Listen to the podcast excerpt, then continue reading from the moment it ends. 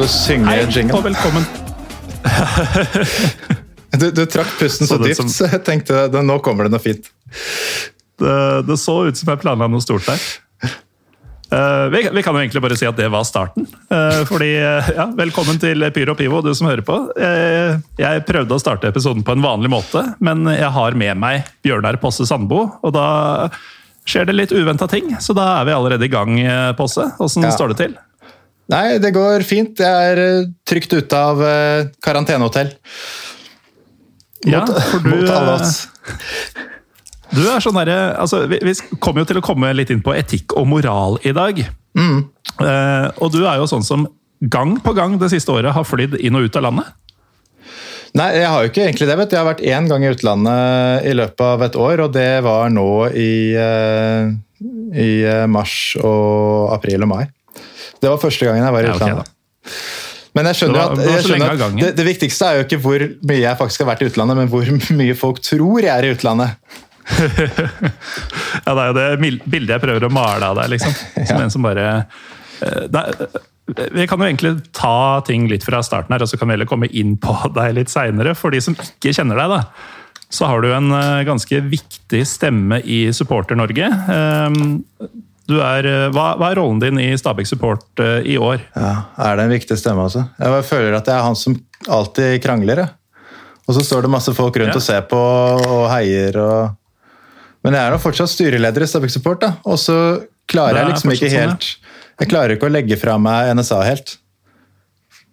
Nei, er, for du eh, er jo Jeg, jeg kikka litt med du, Der er du ikke i noe styre, du er ikke noen offisiell talsmann, men du, du står oppnevnt som en ressursperson, eller noe sånt, eh, mener jeg å ha sett. Ja, det var et ord jeg fant på i mangel av noe annet. Ja. For den formelle tilknytninga er ikke der lenger, sånn egentlig, men det er fortsatt eh, Jeg, jeg føler at hver gang jeg leser noen kommunikeer fra, fra NSA, spesielt om ting du har eh, engasjert deg veldig i tidligere, altså pyroteknikk og Qatar-spørsmålet. Det, det har liksom en touch av din språkbruk eh, ofte. Ja. Nei, det er vel kanskje ikke så mange andre som har skrevet der på en stund. Det er vel også bare jeg som vet hvordan man eh, bruker nettsida, så da, da, da blir jeg fort en slags talsmann, da. Nei, men jeg, jeg føler jo at eh, det, var, det var litt vanskelig å, å slippe NSA helt, i hvert fall når det begynte å smelle så veldig i høsten 2019. Og jeg følte at jeg satt på veldig mye av, av bakteppet for det som, det som skjedde, da. Og det, det våkner liksom en sånn um, Jeg vil ikke egentlig si at det nødvendigvis er en kranglefant, for jeg får ikke så mye ut av selve krangelen i seg selv, men jeg blir veldig sånn trigga av enkelte personer med beslutningsmakt da, som får holde på. Og jeg føler at det er kanskje litt av det samme eh, i Qatar-saken, selv om det er en mye, mye større og viktigere sak som et verdispørsmål enn en dette med pyroteknikk er, som er uhyre smalt igjen. ikke sant? Men jeg føler at det er en del mønstre som går igjen, da. Med forskjellen på, eh, på grasrot og eh, slipsknute. Ja, dårlig skjult spark i retning de høye herrer i eh, ja, den norske fotballen, egentlig. Eh, Men det, det er vel egentlig alle som har en eller annen sånn sjefsrolle i uh, fotball. Altså hvis man går over klubbene, da. Eh, Så har du NFF, og så har du Uefa, og så har du Fifa, og så har du ja, Ja. det, det, er- det er mye rart når du, når du kommer til maktposisjoner i fotball. Ja, og det er jo sånn i idrettsforbund også, egentlig. Det, idretten har blitt veldig politisert. Eh, og da det begynte å komme store penger inn i fotballen også, så, så var det kort vei til at eh, her, her kommer det til å bli involvert folk som ikke bare er interessert i sport, eh, men som er interessert i forbindelser og dealer og hestehandler og ja, og det, det gjør jo hele greia litt mer uoversiktlig da, for de som tenker at idrett og politikk holdes atskilt. Ja, de, de tar rett og slett feil, de som uh, tenker det. Ja, det, er, det er jo en ønsketenking. Jeg skulle også ønske at det var sånn, men, uh, men det er jo Ja, dessverre du ikke det. det? Ja, fordi jeg syns at politikk er en materie som hvor du der skal du på en måte veie og vurdere og liksom kunne tørre å ombestemme deg, og du skal Du skal egentlig kunne være i tvil og ha debatter og sånn, mens i fotballen så er det liksom lov at det er litt svart-hvitt. At det er en kjempeprestasjon. Rett opp, rett ned, pang, krasj og kjempefest. Og så, så er det liksom en, en uhyre uh, som forenkling av livets følelser. da. Mens i politikken så kan du på en måte aldri si at noe er helt bra eller, eller helt jævlig. For det vil jo alltid være nyanser, og du vil jo alltid finne et problem Med en gang du har et stort mesterskap, så, så kommer det jo alltid til å være et problem et eller annet sted i kjeden som leder fram til det mesterskapet. Jeg er litt delt i akkurat uh, Nå har vi ikke engang kommet fram til hva vi egentlig skal snakke om i dag, men uh, akkurat det der fotball og politikk, uh, om det skal være en sammenheng eller ikke, der, er jeg litt delt. Fordi altså, veldig mye av det, beste fra Pyro og Pivo-historien Eh, og de beste fotballbøkene og sånn, det er jo når eh, politikken blir blanda inn i det. Og det er da jeg syns eh, fotball, og politikk for så vidt, blir mye mer spennende når de to kommer sammen. Men samtidig så er jeg så, jeg er så sliten Posse, av å ikke kunne kose meg med Champions League, med det kommende EM i noe særlig grad, det kommende VM spesielt. At det, mm. det er så mye sånn grums som tar bort den derre instinktive, barnlige gleden ved, ved, stor idrett. Ja, og det, det, er jo det vi kjenner på vi som er, er glad i fotballen. At det, det, er ikke lett å glede seg over fotballen, selv ikke når det er verdens beste spillere, fordi opptakten til hele greia har vært så elendig. Og vi vet at for hvert hvert minutt, hver kamp som gjennomføres av dette, så er det noen som allerede er rike og mektige, som blir enda rikere og enda mektigere, og så er det antagelig smuler eller ingenting igjen til, eh, til arbeiderne som har bygget opp greia. Og det, og det er jo mm. det er der idretten en gang kom fra. Så det er et eh, jeg, kommer ikke til å ha noen gode følelser til Qatar-VM sånn uansett. Uh, og jeg syns det er problematisk med, med f.eks. Uh, skistjernene våre som, som, nå begynner å bli pressa med hva syns du egentlig om Kina? Og de aller fleste mm. av dem sier jo at uh, det er, sånn, det er ikke helt mitt bord, jeg prøver bare å være god på skia og sånn, men altså, det er jo konsentrasjonslærer der, og, og det, må jo, det, må vi jo, kunne snakke om. Mm -hmm. Ja, men I Qatars ja, det... eksempel så er det jo veldig spesielt, da, fordi de har jo helt opplagt kjøpt seg til en haug med mesterskap som de ikke har noen forutsetning for å egentlig hoste. Og Da blir det så veldig mm. tydelig at dette her er kjøpt og betalt.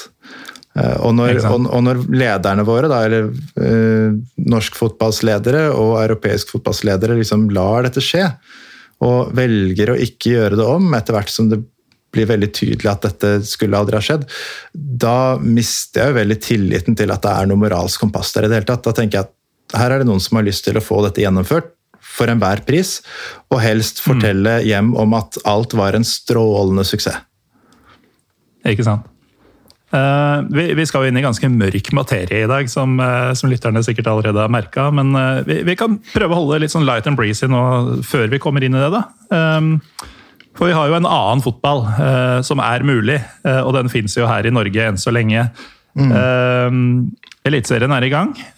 For noen har den vært i gang lenger enn andre. Hva synes du om sesongen så langt, Posse? Ja, jeg blir så forvirra, for plutselig så var den i gang, og så, og så var den ikke i gang allikevel. Så jeg, jeg, jeg, vet ikke hvilken ja, Du var jo borte i disse månedene, da. Og vi fikk det fram og tilbake-dansene med smittetall og nedstenginger. og... Ja, jeg, jeg, dro akkurat idet det gikk i total lockdown, så jeg har, jeg har ikke delt et bilde i det hele tatt på to og en halv måned, fordi jeg er redd for å bare sette fyr på hele, hele landet, liksom.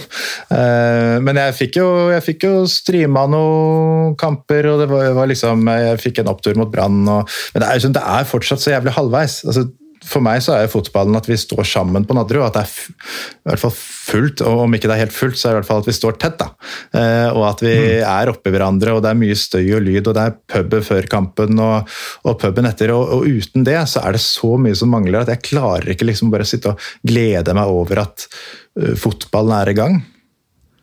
Hvor skal, hvor skal grense, hvordan definerer vi at fotballen er i gang? Er det bare at man spiller kampen? Er det at 200 er der, 50 er det 600?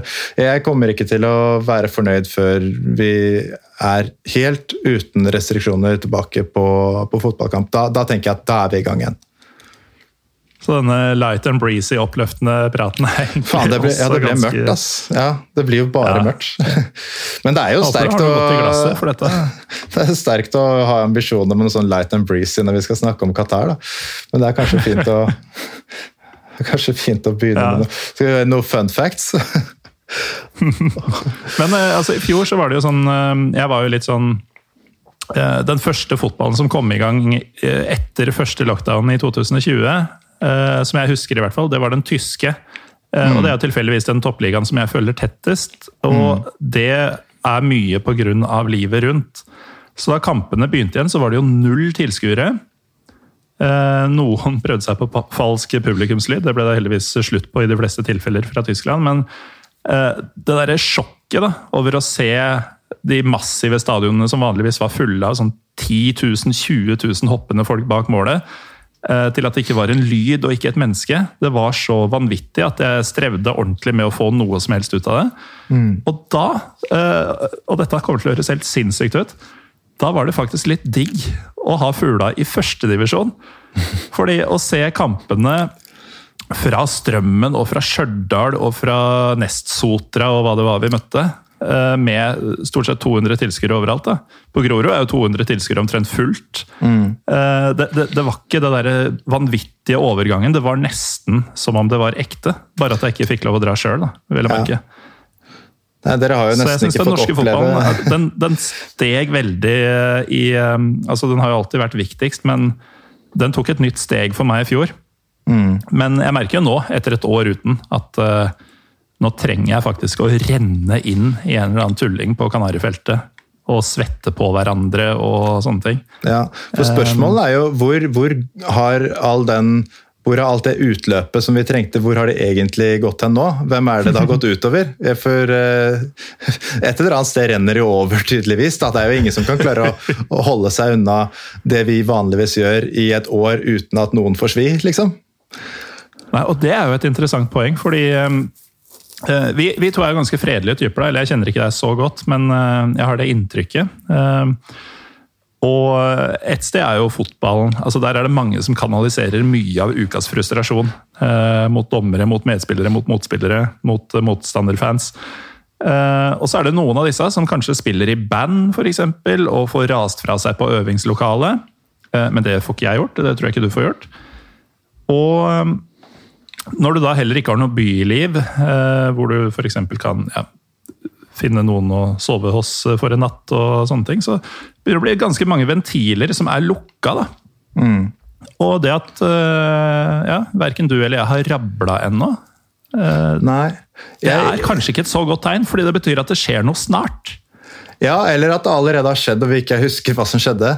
Men eh, jeg, jeg, har jo vært såpass heldig at min, min, jobb har jo gjerne vært veldig kohortbasert. Og noen av dem, eh, som f.eks. 71 grader nord, og sånn, så har vi jo bodd på en, en båt. Og, og, da vært i en kohort etter at vi har vært testa og, og gått uh, mm. Noen dager i forsiktig modus. Og samme da med, med Mexico, med stort crew og veldig omfattende smittetiltak og sånn. Men når du først har gjennomført det, så kan du leve som normalt.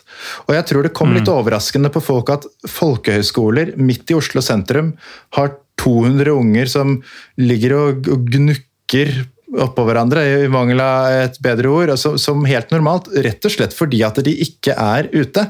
Så det er den derre mm Hvorfor er det ingen som lagde en sånn Cohort Travels AS, hvor det bare Hei, vi har en øy. Dere sitter på en brakke første syv dagene, og så slipper dere inn på uh, denne øya. Der kan dere drikke og pule og feste og spise så mye dere vil, fram til dere ikke kan betale for dere lenger. Og hvis dere drar hjem, så får dere ikke komme tilbake. For sånn fungerer kohorten. Hvis ikke det er noe utenfra som kommer inn, så kan du faktisk leve som normalt. Og så skal vi liksom på død og liv drive og, og, og blande absolutt alt hele tiden. Og vi må, vi må holde masse ting stengt fordi noe annet må holde oppe. Og så blir det sånn halvveisløsning, da. Som gjør at vi, vi står i sånne helt komiske situasjoner hvor f.eks. i fjor så kunne vi ha Eh, hva var det, 200 på, på, hjemmekamp hvis du spilte fotballspillere på banen. Men hvis du viste bortekamper på storskjerm, så kunne du ha 600, for da var det kino. Og det var ingen som mhm. egentlig hadde lyst til å eh, forklare hvorfor, hvorfor er det sånn. Nei, nei, du, vi vil bare at uh, alle skal være friske, vi. Og det minner jo litt om den sånn generelle argumentasjonen mot pyroteknikk. At vi er bare opptatt av barn og unge og at kvinner ikke skal dø, eller hvilken rekkefølge det var. Mm. Så det er et argument som bare er sånn åh, I hvert fall for meg som er litt sånn logisk hode. De der tiltakene, og nå er jeg ikke Chartersveien, altså, for jeg, jeg, tenker at i store og det hele så har vi veldig, jeg har veldig høy tillit til at vi, vi gjør de riktige tinga, og at vi har kommet godt ut av det. Men når jeg prøver å se tiltakene sånn én mot én, sånn mm. breddefotball versus Rema 1000 på Sagene, så klarer jeg ikke å skjønne hvorfor man velger det ene og ikke det andre. Eh, Nei. Det er forbi min fatteevne. Og da kan man selvfølgelig enten velge å bli veldig sint, eller så kan man liksom resignere litt. Og jeg er jo litt bekymra for hvor, hvor, mye breddefotballen egentlig har mista nå. da. Hvor mange som kunne vært interessert i å spille fotball, som nå ikke gjør det likevel. Mm. Og det kan overføres til tribunene også. fordi ja. um, du har jo sånne som oss som bare lengter etter å komme tilbake i kaos igjen. Eh, som det jo selvfølgelig er en del av. Mm. Men det var også de som var litt sånn casual på å gå på kamp i utgangspunktet. Som var litt mm. sånn her, ja, denne uka passa det ikke så godt fordi hytta frista, eller det var en mm. bursdag som jeg ville i, og sånn. Mm. Um, for dem så tror jeg terskelen for å komme tilbake inn i det der at stadion er noe du skal på, egentlig. Um, rett og slett at det har, blitt for komf da, å se kamper på TV, eller kanskje ikke se dem i det hele tatt. Ja. Og få disse folka tilbake. Um, og det samme da gjelder jo folk som kunne finne på å spille fotball, som nå kommer til å ikke gjøre det pga. Ja. Av det som har foregått det siste. Og Det er derfor jeg, jeg, føler at det hadde vært nødvendig med en sånn skikkelig gjenåpningskamp, da, hvor vi på en måte hadde klart å minne oss selv og hverandre på hvor bra det kan være når det er på maks. For med en gang du skal mm. uh, reversere et tiltak altså Det er veldig fort gjort å innføre et inngripende tiltak, og ofte så vet man ikke engang om det er lov. Hilsen karantenehotellet. Eh, men når du da ja, Det er mye historier derfra, altså. Men, men når du da liksom skal åpne fotballen igjen, og kanskje så slipper du inn 400, så slipper du inn 600, og så kan du slippe inn 1000, men bare hvis de sitter, og så får du kanskje ha flagg. altså det er liksom På et tidspunkt så må vi faktisk åpne helt. Og jeg håper at det tidspunktet kommer snart, for det er eh, Jo saktere det går, jo flere folk faller av og syns det er for dølt, tror jeg. Mm. Det, for meg er det nesten bedre å bare vente til det er helt åpent. For jeg, jeg, jeg blir liksom 50% glad da, av å være på en sånn kamp. Mm. Og du, du, du, du er ikke fornøyd med det. Nei, altså jeg, når det gjelder meg og Lillestrøm, så er jeg jo mest fornøyd med å ikke bli forbanna av å være på kamp. ja. Og det skjer jo nesten aldri. Men uh, nok om det, Posse. Vi, vi, har en litt ustrukturert sending i dag også, for så vidt. Som lytterne de siste ukene har blitt veldig vant til. For ikke å snakke om de siste åra. Men uh, det er jo Qatar-spørsmålet som skal opp i dag. Og grunnen til at vi skal ta opp det i dag, er jo at uh, søndag 20. juni så skal jo alt avgjøres. Eh, og det ble digitalt, eh, heldigvis. Eh, mm. Selv om Fotballforbundet da har lagt dette til en søndag, så er det i hvert fall mulig for alle som, som våkner den dagen, å få på seg en slåbrok og trykke på Teams. Og stemme i den retninga man ønsker om hvorvidt Norge skal delta eller boikotte Qatar-VM. Men mm. vi har jo egentlig tenkt å klargjøre for de som hører på. Uh, argumenter, uh, spesielt den ene veien, uh, men kanskje aller mest viktig hvorfor man skal engasjere seg i dette. Og da har jo vi en ambisjon om å lage en liten tidslinje her for Qatar-spørsmålet i Norge. Eh, og da har jeg skjønt det sånn på deg at Vi skal ikke tilbake ti år til da de ble tildelt mesterskapet, eller 70 år da de ble en egen stat og sånn, men uh, Nei, altså, men hvordan de ble tildelt mesterskapet, det kommer vi jo til uansett flere ganger, tenker jeg. Mm. Men uh, hvor skal vi begynne, Posse? Det jeg tror liksom gjør hele den Qatar-greia litt vanskelig, er at det er veldig mye informasjon. Og det er mye mer informasjon enn en stakkar som ikke har fulgt med, klarer å sette seg inn i. Og det er jo, mm. det er jo derfor vi må prøve å liksom koke det litt ned. Eh, og det som vel skjedde i, i, mars, var jo at noen bare plutselig oppdaget at uh, vi kan faktisk uh, stille et benkeforslag på fotballtinget. Vi, vi, trenger ikke å rekke fristen i, som var i november. Og, og, det var vel samtidig som vår fotball uh, slo seg opp og, og, begynte å gjennomføre årsmøter, uh, årsmøtevedtak mot sportsvasking, som jo, jo, på en måte er sånn mer på et lengre perspektiv. Da. At du ikke skal ha mm. treningsleirer i, uh, i slavestater eller diktaturer eller stater som bryter menneskerettighetene. Ja, og eh, For de som ikke kjenner til vår fotball, så hadde vi en episode om det, eller med dem, faktisk, i, eh, i vinter. Men eh, det er jo da rett og slett et supporterinitiativ for å få klubbene sine til å gå aktivt imot det som kalles sportsvasking. Som vi også har hatt både én og to episoder om tidligere. Mm. Så Eh, dersom du er relativt ny i Piro universet eller i disse diskusjonene, så bla dere litt bakover i biblioteket for å finne ut mer om eh, ja, hva disse referansene er. Da.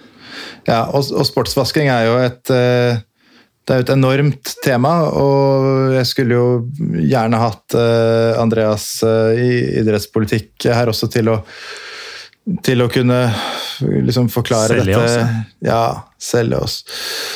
Han er vel en av de få som faktisk Han hadde bedre ting å gjøre i kveld, han. Ja, han skulle trene et jentelag eller noe sånt, tror jeg. Nei, det var noe annet. Mm. Uh, han, uh, han, er jo den som kanskje kan aller mest om dette, og skriver aller mest om dette. Og norsk sportspresse har jo egentlig skrevet ganske lite. Sånn, I hvert fall hvis man teller mm. antall saker og sånn, og så, og så er det noen, noen hederlige unntak. Men eh, det prinsippet sportsvasking er jo på en måte det er én del av dette. Og så har det jo handlet mye om eh, arbeidere og hvor mange av dem som er døde, og hvor mange som døde av VM, og, og den diskusjonen der. Og så, og så, handler det jo da liksom om verdispørsmålet, da. Altså, eh, skal mm. dette handle om effekten av en boikott, eller skal det være et veiskille med hva vil vi være med på? Eh, og det som eh, det som det dreide litt inn på da forbundsstyret fikk lage mandatet for Dette forslaget om å boikotte Qatar, eller i det hele tatt diskutere det, ble jo nedstemt på fotballtinget. Men det ble mm. vedtatt at dette spørsmålet skulle opp igjen, og da tenkte de at eh, vi må ha god tid, vi tar det til høsten en gang. Eh, og det ble det protester mot, og så endte vi jo da heldigvis opp med å få det i juni i stedet. Eh, det mandatet som Qatar-utvalget fikk, det handlet jo da om å kunne liksom belyse hva slags uh, effekt en boikott vil ha på arbeidernes rettigheter. Og om man kunne mm. liksom anbefale boikott som et virkemiddel for at arbeiderne i Qatar skal få det bedre. Og ja. det lager et premiss som er veldig, veldig vanskelig å å motbevise. For det, det, er vanskelig å, å, bevise at noen vil få det bedre hvis du gjør sånn og sånn. Uh, og Derfor så lander jo et flertall i det utvalget ikke overraskende på at uh, de ikke anbefaler boikott. Det som jeg syns er litt pussig, er at man, man, kunne jo fint ha snudd på det og sagt hva, hva ville vært riktige virkemidler for å hjelpe Eh, migrantarbeidere i Qatar. Eh, også at, mm. at, det er opplagt at svaret er jo vi, vi gjør det samme som vi ikke, ikke har kommet noen vei med i elleve år. Da, da, vil det ikke gi mening igjen. Og, så det som skjer nå, er jo egentlig at uh, forbundet presenterer seg som løsningen på problemet, selv om de egentlig har vært en del av problemet siden starten. Og det har begynt å handle veldig mye mindre om korrupsjon i Fifa, for det har nok ikke NFF så veldig lyst til å snakke om. Mm. Og så har det begynt å handle veldig mye om et regnestykke med NFF som mener at dette, disse penga kommer vi til å tape. Vi kommer til å tape 205 millioner og kanskje enda mer. Og her er det jo Som da det, det, det, er jo, Her er det noen ting som de ikke ønsker å diskutere fordi de er redd for represaliene, og så har du det med pengene som uh, Det har jo blitt uh, kontra litt på den summen der. Hvor tar dere det fra, osv. Og, så og så har det jo kommet fram at den er litt sånn ut av løse lufta. Uh, vi, vi, har en del sånne punkter som vi skal ta for oss litt systematisk senere, men for min del, da, så Ja, jeg har altså, høre, hva, jeg har litt lyst til å høre hva du tenker, fordi jeg skjønner at du var ikke sånn opplagt for en boikott i utgangspunktet. Nei, altså eh, Da vår fotball kom til, da Generelt mot sportsvasking og, og de greiene der uh, Umulig å ikke være for. Altså, det er ikke noe å tenke over engang.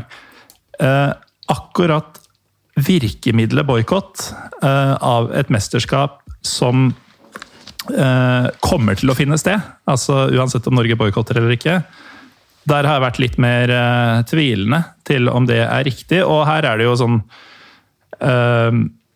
Jeg har jo ikke noen andre løsninger. Altså Jeg vet jo at den dialoglinja til NFF ikke virker, men jeg bare har sett på en norsk boikott eh, mest som en sånn symbolpolitisk greie. Og det er et eh, Altså Symbolpolitikk er noe av det jeg setter minst pris på holdt på å si hele verden. Bortsett fra drap på kattunger og, og, veldig mye annet. da. Molde FK altså mm. Det er en god del ting som er verre. Eh, men jeg har slitt litt med å se at dette skal være den beste løsninga. Problemet er bare at jeg veit ikke hva det tredje alternativet er. Så jeg har ikke noe bedre løsning.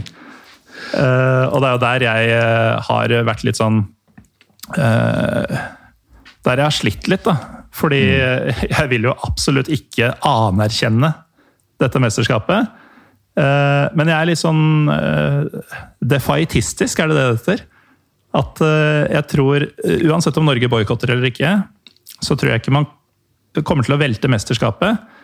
Uh, og derfor så tenker jeg at det vår fotball driver med, da, med et mer langsiktig løp, det, det, er på en måte mer min gate. At man skal hindre at noe sånt skjer igjen. Mm. men igjen, da, så kan det jo være at noe slikt vil skje igjen og igjen, dersom ingen faktisk starter i det små, som, som Norge nå kan gjøre.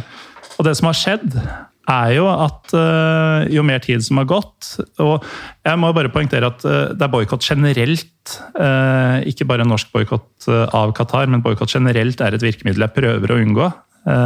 jeg kjøper ikke Red Bull, men det er ikke en aktiv boikott. Det er bare at det, det, er veldig enkelt for meg å, mm. å ikke gjøre det. og nå snakker jeg veldig fram og tilbake her, men siden jeg nevnte det. Jeg tror også det er veldig enkelt for folk å hoppe på den derre boikott av Qatar er det eneste rette. Fordi man ikke ofrer noe ved å si det. Altså det er jo de færreste som har tenkt å dra på en ferietur til Qatar eller liksom vil møte seg selv i døra på den måten. Mm. Eh, men du har jo altså ja, Du nevnte Kina i stad. Eh, Russland-VM for, for eh, tre år siden blir det nå det, det, er mye shady greier rundt omkring, altså. Og mm. det er fint å sette en strek uh, hvor altså, dette går ikke lenger. Men mm. jeg tenker at den streken burde ikke ha kommet i fjor eller i vinter. Den burde ha kommet lenge før. Um, så, så, det er litt, litt, det her jeg har eh, brytet med, da. Men mm. uh, etter hvert som har, at dette har kommet nærmere og nærmere, og at uh, Eh, jeg stadig ikke har dette alternativet som er bedre enn boikott. Og ikke minst hvordan Fotballforbundet, og dette skal vi jo komme inn på litt dypere, har håndtert denne saken. Både uh, offisielt og uoffisielt, uh, f.eks. på sosiale medier gjennom enkelte folk som var invitert her i dag, som ikke kom eller ikke svarte. Det gjør at jeg nå kommer til å stemme for boikott på LSKs eh, eh, ekstraordinære årsmøte som skal behandle akkurat denne saken. Eh, Litt på trass, og litt av mangel på alternativer. Mm. Jeg tror det, det Veldig bra. Jeg tror at det er eh, det, det er nok mange forskjellige grunner til at man kommer fram til et sånt standpunkt. Og jeg har mm. lest mye diskusjon, og, eh, og, jeg har til og med sett argumentet at det er for mange grunner. Det, dere skulle valgt én. og det at det blir for mange grunner, gjør at jeg ikke liksom, eh, klarer å bli med på det. Klarer ikke pakka, ja, det, liksom. det er en sånn klassisk diskusjonsgreie. Hvis noen ja. skal starte, så tar man gjerne en liten sånn uh, mitraljøse med, hvor hvert og enkelt poeng er dritbra. Mm. Uh, men så føler folk seg overvelda, og så er det motpartens tur til å snakke. Ja. Sier kanskje én ting, uh, fordi, eller to ting, har vesentlig færre gode poenger. Men de kommer bedre fram fordi de ikke drukner, og også fordi det ble sagt sist. Ja, det er litt det som det prinsippet her. Det er jo derfor et ensaksparti kan få 30 ved valg et år, og så forsvinner de, kollapser i skandale året etter. Så, mm. Men, eh, men, jeg er av den tro at vi, det at vi har mange gode grunner til å, til å, tenke som vi gjør. Og for å si det sånn med boikottstandpunkt, da.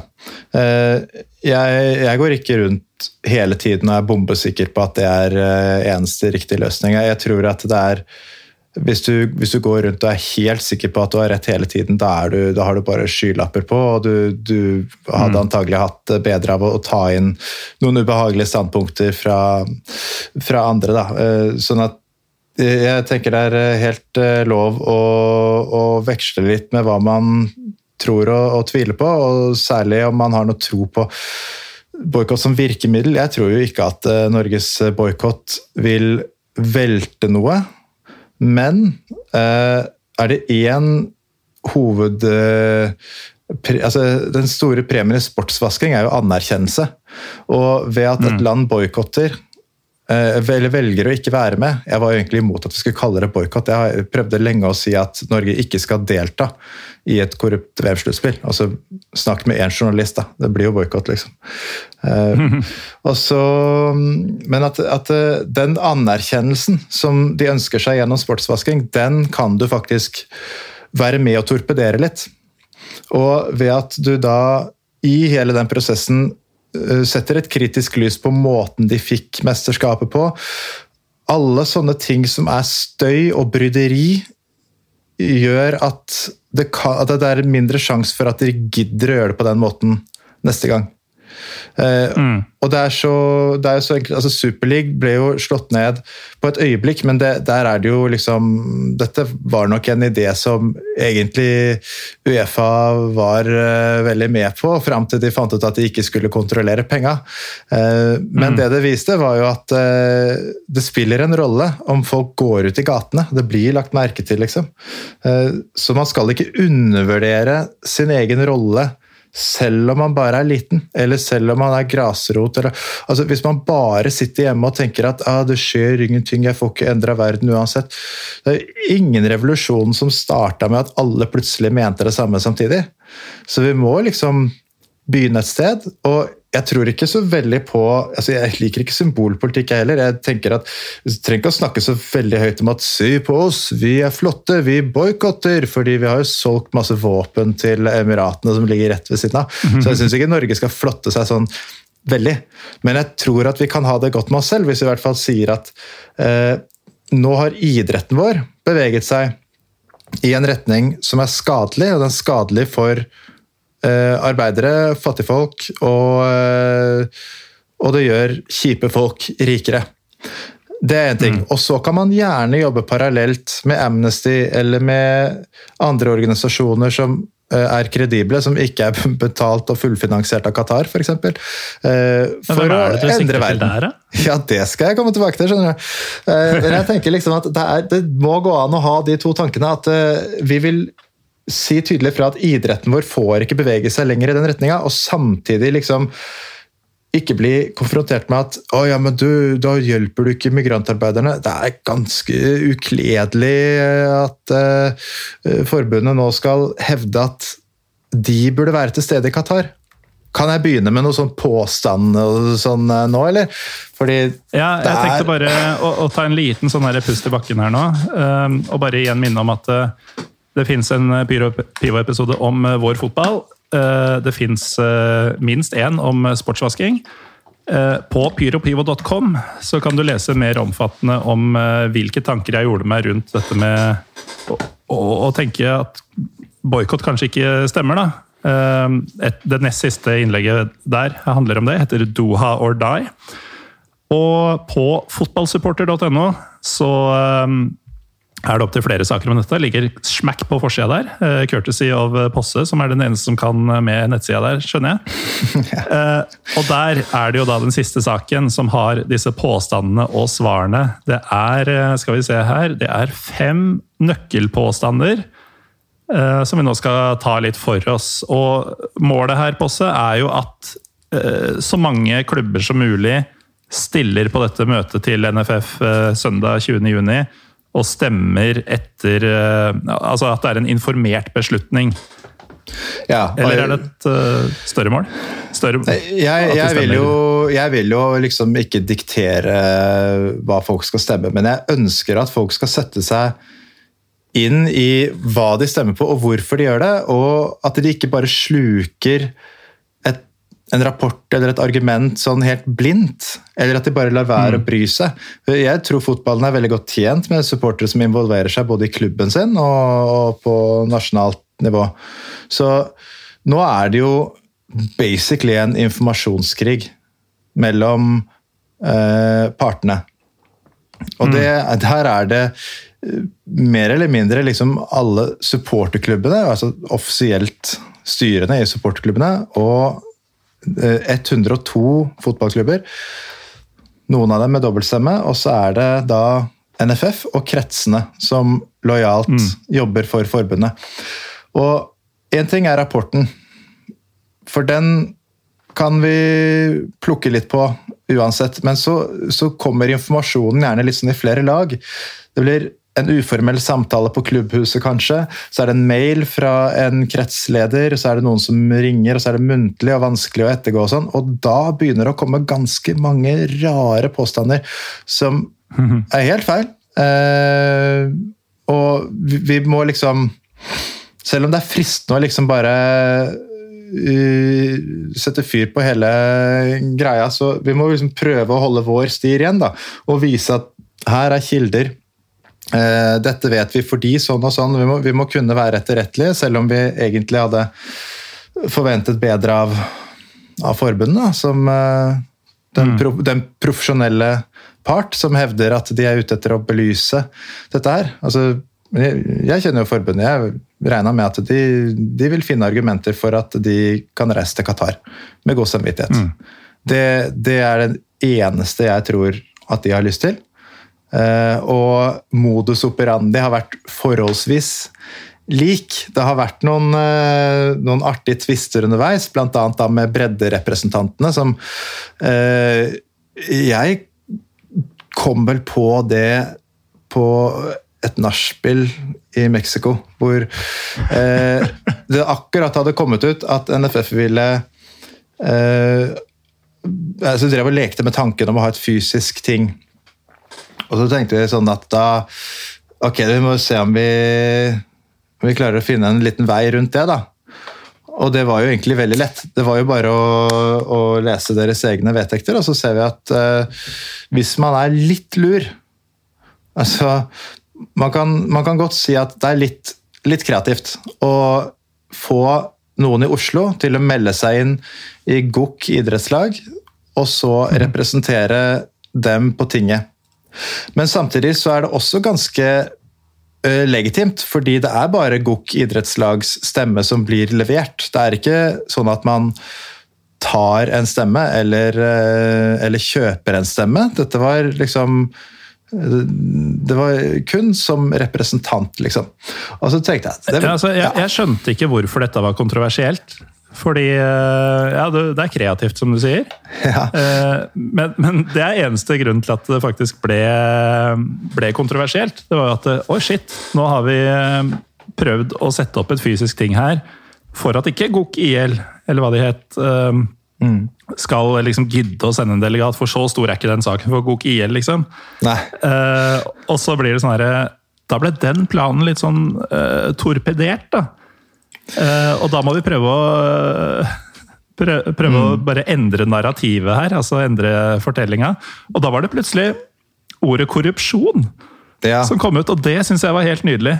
Det For det var, var vel, uh, som flere poengterte, det var første gang NFF brukte ordet korrupsjon i hele Qatar-diskusjonen. Ja, det var jo det var jo egentlig veldig morsomt, fordi jeg hadde jo akkurat liksom pælma ut disse greiene. Det var, det var, mandag morgen norsk tid, tror jeg. Og, eh, og vi kosta på og sa at eh, nå, nå kan bare alle klubbene komme til oss, så skal vi hjelpe dere på tinget og sånn. Eh, og så tenkte jeg at det, det er liksom, det er en liten sjanse for at noen på Ullevål eller i systemet der blir så oppskjørta av det her at det det ble sagt noe morsomt. Og, mm. og, og, det ble det jo virkelig, ikke sant? Eh, for korrupsjonsanklage er jo det er jo det mest ironiske man kan tenke seg. Så eh, for oss var det jo litt sånn og, og Bjerktvedt eh, mente at vi misbrukte demokratiet. og Pål Bjerketvedt i NFF? Han, generalsekretær Pål Bjerketvedt, ja. Du vet han som uh, betalte sin egen ansatt en hemmelig sum, og forbundsstyret eh, stoppa saken i etisk komité før de skulle behandle det. Så uh, ja, da misbruker vi demokratiet, da. Uh, og jeg tenkte liksom at det, det, det, blir sikkert ikke en så stor greie, men det, det er veldig nyttig å bare ha muligheten til å si at vi kommer til å sørge for at folk får stemt på tinget uansett, og så kommer mm. dere til fornuften og, og, sier at ok, det blir et digitalt ting, liksom. Uh, mm. Og så ble det jo en uh, en uh, ekstra variant der, hvor, hvor generalsekretæren og Terje Svendsen skrev en rasende kronikk og gikk løs på Leif Welhaven, som hadde liksom hele tiden poka litt i grøten med at uh, det var uh, dårlig stil å, å, forlange fysisk ting og, og sånn. og uh, mm. Istedenfor å liksom ta tak i noe annen materie og ubesvarte spørsmål, og, og sånn, så var det liksom full uh, gunnings mot, uh, mot avisens kommentator. Det følte jeg det, det, var liksom, det er litt betegnende. altså Sånn såret fotballforbund som til slutt går litt fra konseptene da, og begynner å miste det. Liksom, og det blir rarere og rarere. Og så, men, men, det er jo ren underholdning. Det er jo en alvorlig sak vi skal uh, ende opp med å stemme om. Og ja.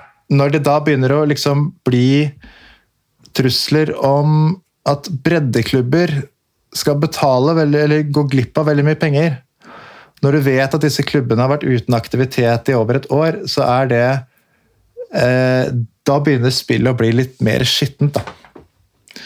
Eh, ja, det kan du si. og det, ja.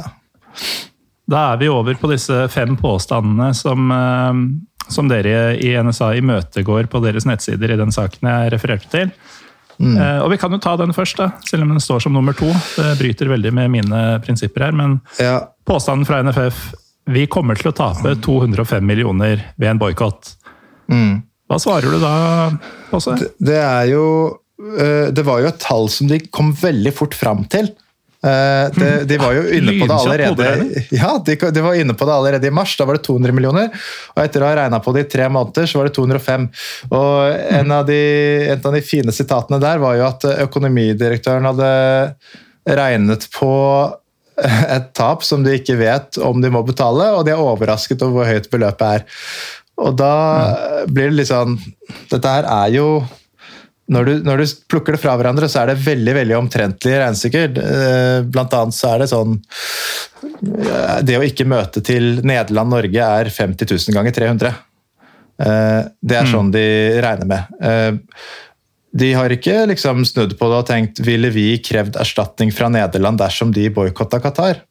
Det er ikke sikkert at Fotballforbundet hadde gjort det. Og ikke minst, de legger et premiss til grunn her om at eh, vi skal trekke oss, eller ikke møte opp til kampene i kvaliken. Eh, dersom mm. det ble vedtatt å boikotte sluttspillet. Og det premisset er det bare Fotballforbundet som legger til grunn. Og Den eneste grunnen til at det er liksom, noe poeng å gjøre, er jo at de kan få et høyere potensielt erstatningsbeløp. Og Fifa svarer jo ikke på Nei, for det, skjer, greia her, liksom? de har jo prøvd å få svar fra Fifa eh, på om, eh, om dette er et gyldig argument eller ikke, og Fifa svarer ikke. Uh, nå er jo ikke jeg noen jurist, men jeg vil jo tro at uh, altså NFF er jo faktisk pressa til å gjennomføre denne, um, dette møtet og dette valget av sine medlemmer. Mm. Så NFF er jo ikke skyldig Fifa noe som helst. Altså, det er ikke NFF som har gjort noe gærent hvis uh, de tvinges til å boikotte.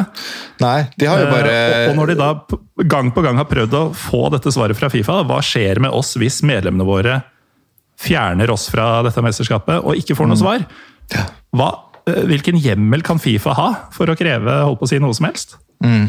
Og det, her, her, ser jeg for meg at de i Fotballforbundet altså, gjerne skulle ønsket seg at det kom en trussel om et veldig høyt beløp. Men i, mm. i vedtektene der så er det en, eh, en, bot hvis du trekker deg fra et mesterskap som er påbegynt, på 38 000 sveitserfranc, tror jeg. Det er vel ca. 380 000 kroner.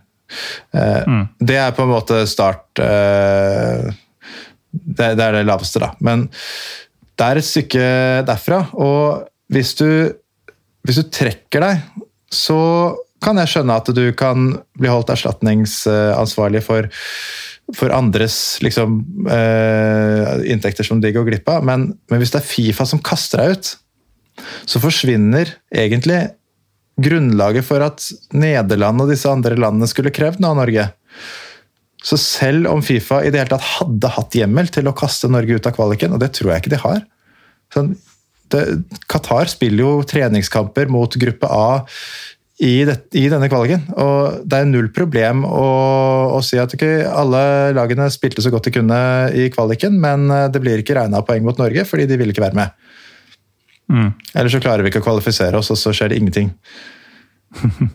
Men så er det jo da også hvor, hvor, lei er du ikke av den derre Norge kommer ikke til å kvale uansett, så det er ikke noe å si. ja, Akkurat i går mot Hellas så tenkte jeg at de faktisk hadde den sterkeste saken av alle. Det er jo, jo det, er, det, er, jo sant, men ja. likevel, det er jo missing the point. By, ja, ja. Og der, Derfor ja. tenkte jo sikkert mange også at det, det, er greit å få en avgjørelse om man skal boikotte eller ikke, mens det fortsatt spiller en rolle. Eh, mm. For hvis du på en måte allerede prøver å kvalifisere deg, og så klarer du det ikke, da er det ganske spakt å liksom komme og mene noen ting om noe som helst. Liksom. Da har du bare du har prøvd å komme litt, og du klarte ikke. Du var han som ikke slapp mm. på festen, liksom. Men dette regnestykket, da. det var jo Over halvparten av det er jo eh, pga. denne kvaliken. Som ingen sier at vi skal boikotte utenom forbundet. Og så er det 50 millioner, altså det siste en av Disse de, sponsorpenga? Ja, det er sponsorpenga. Vi kommer til å tape 50 millioner fordi sponsorer ikke vil få oppfylt avtalene sine. Og så ringer jo Josimar til sponsorene og spør kommer det til å få konsekvenser for avtalene deres med Fotballforbundet dersom de eh, boikotter VM i Qatar. Og alle sier nei. Og i den ja. neste regnestykket da, da, er da er det ikke de fleste, det er alle ja, det var aller store, i hvert fall. Uh, og det, mm. det, ville jo vært et kjempeomdømmesmell. Altså, hva hvis, uh, hvis uh, det er sånn at det er et flertall da, som sier at vi ikke skal delta i Qatar fordi de bryter menneskerettighetene, og så kommer Bama eller noe bare Nei, vi fikk ikke reklame i Qatar, så da skal vi ha tilbake pengene våre. Altså, det er jo ikke noe, mm. ikke noe sponsor som kommer til å gjøre det. Så de, de penga de, det, det, er også sånn rent hypotetisk. Vi må bare se hvor mye vi klarer å få det til å bli. Og nå er det justert ned til 19 millioner. Så hvor ja. de 19 millionene kom fra, det, det, er jo sånn De sier jo at nei, vi kommer ikke ja, det er sånn, De sier at vi kommer ikke til å kunne oppfylle eh, forpliktelsene våre. og sånn, Det har de for så vidt eh, rett i, men å da lansere et alternativt budsjett som blir brukt til å presse breddeklubber og, som, mm. og si at uh, dette kommer til å gå utover dere. Dere må være med på å betale en kjempesum. Uh, det ville vært utrolig uansvarlig å vedta et sånt budsjett uansett. Så selv om vi, selv om vi liksom skulle ha votert for at vi boikotter, så, så, burde vi aldri godkjenne det budsjettet. Tenk å liksom mm. gjennomføre kutt eller si opp en person fordi du tror du kommer til å få 205 millioner i erstatningskrav. Det må ikke engang betales ned i løpet av neste år. Eh, det er, mange ting ved det regnestykket som, eh, som gjør at det fremstår som bare enda et verktøy. Så denne skremselspropagandaen som det virker som. Eh, angående penger kan vi i beste fall Eller vi, vi, kan i det minste stille eh, store spørsmål ved det. mest sannsynlig avfeie det så å si helt. Ja, det, og det er jo påstand på, Neste påstand på denne lista, eller påstanden ja, før, egentlig. For, for, dette er jo risen, ikke sant? Dette er trusselen. og ja. nå har det vært vekslende argumenter. Altså noe av det første Terje Svendsen sa, var jo at han var bekymret for det, jo, det, han sa var, det, det viktigste er eh, at uh, dersom vi boikotter nå, så vil masse migrantarbeidere i Qatar bli arbeidsledige. Mm. Og det er jo veldedighet på et helt nytt nivå, liksom. Men, men det, det, skifter stadig hva som er det viktigste, da. Og nå er vi jo tilbake på, på det med at NFF selv er løsningen. Ja. og, og, påstanden de har kommet med noen ganger, er jo at Amnesty anbefaler at vi er til stede i Qatar. Ja, og, og den har på en måte fått blitt gjentatt og gjentatt, selv om uh, ja. Man hørte jo veldig tydelig at uh, Amnesty sa at nei, det har ikke vi sagt. Nei, og det er sånn, Hvis du bare gjentar det mange nok ganger, så, så blir det jo en etablert sannhet. Uh, Amnesty mm. måtte jo rykke ut i, i, mars også, fordi da sa forbundet at Amnesty var enig med dem i at boikott ikke var riktig løsning. Og Da måtte de gå ut og si at vi mm. tar ikke stilling til om Norge skal boikotte eller ikke. Og nå er de på en måte litt i samme gata igjen. For det rapporten sier, er at arbeidstaker- og menneskerettighetsorganisasjoner burde være til stede i Qatar. Og så mm. har NFF på et eller annet vis klart å inkludere seg selv i dette. Og, og, og bruker da Amnesty som, og, og deres eh, anbefaling om at de burde være til stede, som at vi burde være til stede. Ja, og det er vi driver ganske, med mye av det samme, vi. Ja, og Det er ganske friskt med tanke på at uh, den samme rapporten rett og slett utleverer deg og sier at du har vært på sidelinja og ikke gjort noen ting. Uh, Fifa har vært helt på sidelinja. Uh, og det å da liksom gå og stille deg opp med, med, de som faktisk jobber med dette, og si at ja, vi Great team, Go Sports, vi burde være her, liksom. Det, det, det Man ser litt dust ut. men så, så, lenge du får gjentatt det mange nok ganger, så kommer folk til å tro at det er det som er sagt.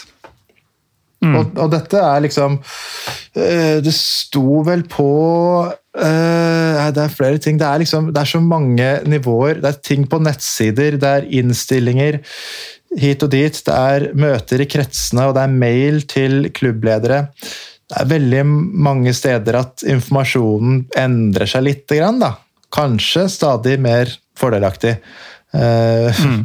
Og, og, vi vet jo dessverre at det er en del klubber som opplever uh, ganske mye press nå, med, med at uh, folk i kretsene tar direkte kontakt med dem og, og spør dem ut om, uh, om standpunktet deres. Og, og det, det, har jo også da ført til at det er noen klubber som ikke ønsker å stå på den lista av boikottklubber, fordi de, de, vil ikke risikere at, at folk fra forbundet går etter dem. Nei. Så eh, på deres eh, nettsider, altså mm, fotballsupporter.no, så er det jo en liste over klubber som har vedtatt at de skal stemme for boikott. Mm. Du eh, mener da at den lista egentlig er enda lengre? For at de ikke vil klistres på, på plakaten? Ja. Den er noe lenger, og, og, i dag har jeg tatt bort uh, to av dem som uh, har blitt kontakta. Uh, jeg vet at det er i hvert fall én sak til der noen har liksom gått på spillere. Uh, og det mm. kan bli en mediesak om uh, ikke så veldig lenge. Uh, og det er jo liksom Det er vel litt sånn at alle kluter settes til. Jeg regner med at dette kommer til å bli bare verre og verre fram til, fram til vi skal ha den voteringa. Og det, grunnen til mm. det er at dette er jo, det er jo en avstemning som de, de har jo ikke råd til å tape den. Altså, det er så mye verre å bli stemt bort fra et VM enn å bli tatt i en bløff eller ha pressa noen, mm. eller ha lurt noen, eller manipulert eller påvirket eller trua eller hva som helst sånn. Alt er mindre ille enn å bli felt av flertallet på sitt eget fotballting. Så jeg tror at uh, der vi kan sette noen rekorder i, i metoder og, og tjuvtriks mm. og sånn fram mot den 20., altså. Uh, ja.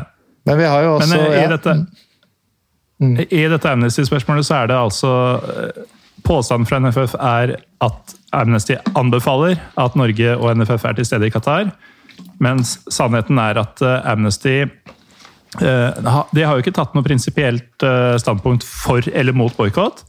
Men Nei. de har eksplisitt sagt at Fifa har ikke gjort en dritt, og NFF enda mindre. Ja. Eh, så det er rett og slett ikke sant at Amnesty mener at Norge og NFF bør delta. Nei, så Påstanden er sånn ordrett som står, er jo ikke sann. For Amnesty anbefaler ikke at NFF er til stede i Qatar. De anbefaler mm. at de og tilsvarende organisasjoner er til stede i Qatar. Så kommer en ny påstand, og denne er jo eh, veldig eh, tett opp mot hva jeg har drevet og tenkt på i flere måneder. Mm. Påstanden er eh, utvalget har konkludert med at boikott ikke virker. Høres ja. ut som en litt sånn kjapp konklusjon? Det er en kjapp konklusjon, og, og i rapporten så står det vel at boikott ser ut altså i, i, sammenheng med å påvirke menneskerettigheter, så ser det ut til at det fungerer i ca. 50% av tilfellene. Eh, og Den påstanden den sto på NFF sine Qatar-sider fram til 4.6. Da ble den endra etter en liten eh, Twitter-diskusjon. Eh, og i innstillingen eh, til forbundstinget så skriver styret i forbundet Eh, forbundsstyret har lyttet til de entydige faglige rådene vi har fått i denne saken, også gjennom utvalgsrapporten. Boikott er ikke et egnet virkemiddel, verken for å bedre menneskerettighets- og arbeidsforholdene i Qatar, heller ikke for å få til ønskede endringer i Fifa. Eh, og når de sier entydig faglige råd, det, det, er, det er så nær en bløff du kommer. For bare på vår egen fotballsupporter.no så ser vi jo at Raftostiftelsen, som virkelig er kompetente på dette området, Arbeidermannsforbundet, bygningsarbeidere i Fellesforbundet, i Oslo, i Bergen, i Telemark, LO IT-forbundet, LO i Bergen, Trondheim og Vestland og Kristiansand er uttalte tilhengere av boikott. Så det å si at man Disse høres har, ut som de har peil på arbeidsforhold. Det har de absolutt, og de har vært ute altså de, har, de, har, vært med lenge. Arbeidermannsforbundet var vel i 2015 at de liksom uh, tok et standpunkt. Så det, det, å si at det er entydig faglig råd uh, Og så, så, mener de jo da underforstått i andre leddsetning at de har også sett på rapporten. Uh, men det er absolutt ikke entydige faglige råd her. Og selv ikke rapporten konkluderer så bastant som, uh, som de gjør her. At uh, boikott mm. ikke virker, det, det, det, er ikke hold i den påstanden i det hele tatt. Nei. Og det, det Raftostiftelsen sier jo egentlig veldig godt i et intervju med Aftenposten, tror jeg det var. Uh, fordi Hvis du har et utgangspunkt der du avviser boikott allerede, hva er pressmiddelet ditt da? Skal du si mm. vi må ha dialog, og her er en liste med krav. Vi kommer ikke til å gjøre noen ting hvis dere ikke følger dem opp. Altså, de må jo le av oss i Qatar. Altså, de, hadde, de hadde balls nok til å arrestere en, uh, en migrantarbeider uh, sånn fire dager før de skulle ha et møte med Fifa og NFF og holde mm. ham bura i 25 dager og løslate han nå mot kausjon. Han risikerer ti år i fengsel for å ha blogga kritisk om Qatar. Og, på, og tiltalen er selvfølgelig eh, satt opp til at det handler om at han har fått penger fra noen i utlandet, men altså uansett Tenk om han hadde fått penger for å blogge kritisk. Ti år i fengsel. Det er ganske langt unna hva vi er vant med her. Eh, så mm. Det er lite sannsynlig at Qatar kommer til å bry seg noe om Norge i det hele tatt, mm. egentlig, om vi boikotter eller ikke. Men de kommer i hvert fall ikke til å bry seg hvis vi sier at vi kommer uansett. Ja, Det ligner litt på den frustrasjonen eh, jeg og mange i min og holdt på å si andre viktige yrkesgrupper eh, føler på etter at eh, Unio-streiken ble avlyst, rett og slett, av myndighetene. Fordi her har man uh, muligheten til å vise hvor uh, uerstattelig man er for samfunnet, men den andre parten vet at eh, går dette for langt, så kan vi bare avslutte det. Ja, det og det, sånn det som skjedde der, var vel at de lot være å søke om dispensasjon for eh, at den søppelhaugen ikke skulle begynne å brenne, eller noe sånt, og da kunne de bare avslutte streiken mm. selv. Noe som ja. høres ut som en veldig rar maktbalanse for meg, i mine ører. Ja. Men, men, det betyr jo rett og slett at uh, den streikende parten til syvende og sist ikke hadde noe pressmiddel. Altså, det var streiken. Og så viser det at streiken uh, den hadde på en måte den andre parten en slags kontroll over uansett. Ja. Uten, å, uten, å, gi fra seg altfor mye. Men eh, husker, det blir litt på siden av det. Ja, Husker du da Erna Solberg eh, snakket om eh, skolestreiken til Greta Thunberg og ba norsk ungdom om å skolestreike i helgene i stedet? Det er jo ja. noe av samme noe av samme materien, føler jeg. at det, du, må, du må ha et virkemiddel bak kravene dine. Hvis ikke så er det ikke noe poeng å stille et eneste krav. Og, og det, trusselen om boikott er jo det sterkeste. Men nå har vi jo kanskje kommet dit at det er, det er, så lite sannsynlig at det vil bli noe særlig forbedring i Qatar uansett utfall. At det viktigste mm. signalet man kan sende, er at man ikke lar det gå så langt at man selger mesterskapet til et sånn type land igjen. For Du kan kanskje ja. ikke redde Qatar i seg selv, men du kan kanskje forhindre den situasjonen i å oppstå senere. Og da tenker jeg at det, med, med, det målet så tenker jeg at boikott er et legitimt virkemiddel. Jeg må bare skyte inn, siden jeg refererte til så mye annet som finnes der ute, at eh, Pyro Pivo også har en episode med Midtøsten-forsker Charlotte Lysa om uh, spesifikt Saudi-Arabia og Qatar. Den er vel snart uh, den er vel ca. to år gammel, tror jeg. Uh, fordi det blir jo mye dritt mot Qatar nå, og det er jo berettiget, men uh, må bare poengtere at Qatar er ikke et gjennomført drittland. Mm. Uh, så for et litt mer nyansert bilde av den delen av verden, så hør gjerne på den episoden også. Men uh, dette bringer oss jo over på noe helt annet, fordi som du sier, eller på neste punkt, egentlig. For som du mm. sier, vi kan nok ikke redde Qatar eller arbeiderne, uavhengig av hva som hva dette tinget bestemmer seg for. Men neste påstand er jo at Fifa sier vi vil bli utestengt fra flere mesterskap. Og mm. greia her er jo, før vi tar selve påstanden er det kanskje til det bedre, hvis det hadde vært sant? Fordi eh, det er jo ingenting som tyder på at Fifa har tenkt å slutte å gi mesterskap til land som Hviterussland, Nord-Korea, eh, Saudi-Arabia osv. Nei, Saudi-Arabia seiler jo opp som, som ja. Dersom de norske klubbene stemmer for boikott av dette mesterskapet, så slipper du jo faktisk å ha den runden de neste par gangene. For det, mm. ja, det hadde spart oss for mye jobb lokalt. Eh, ja.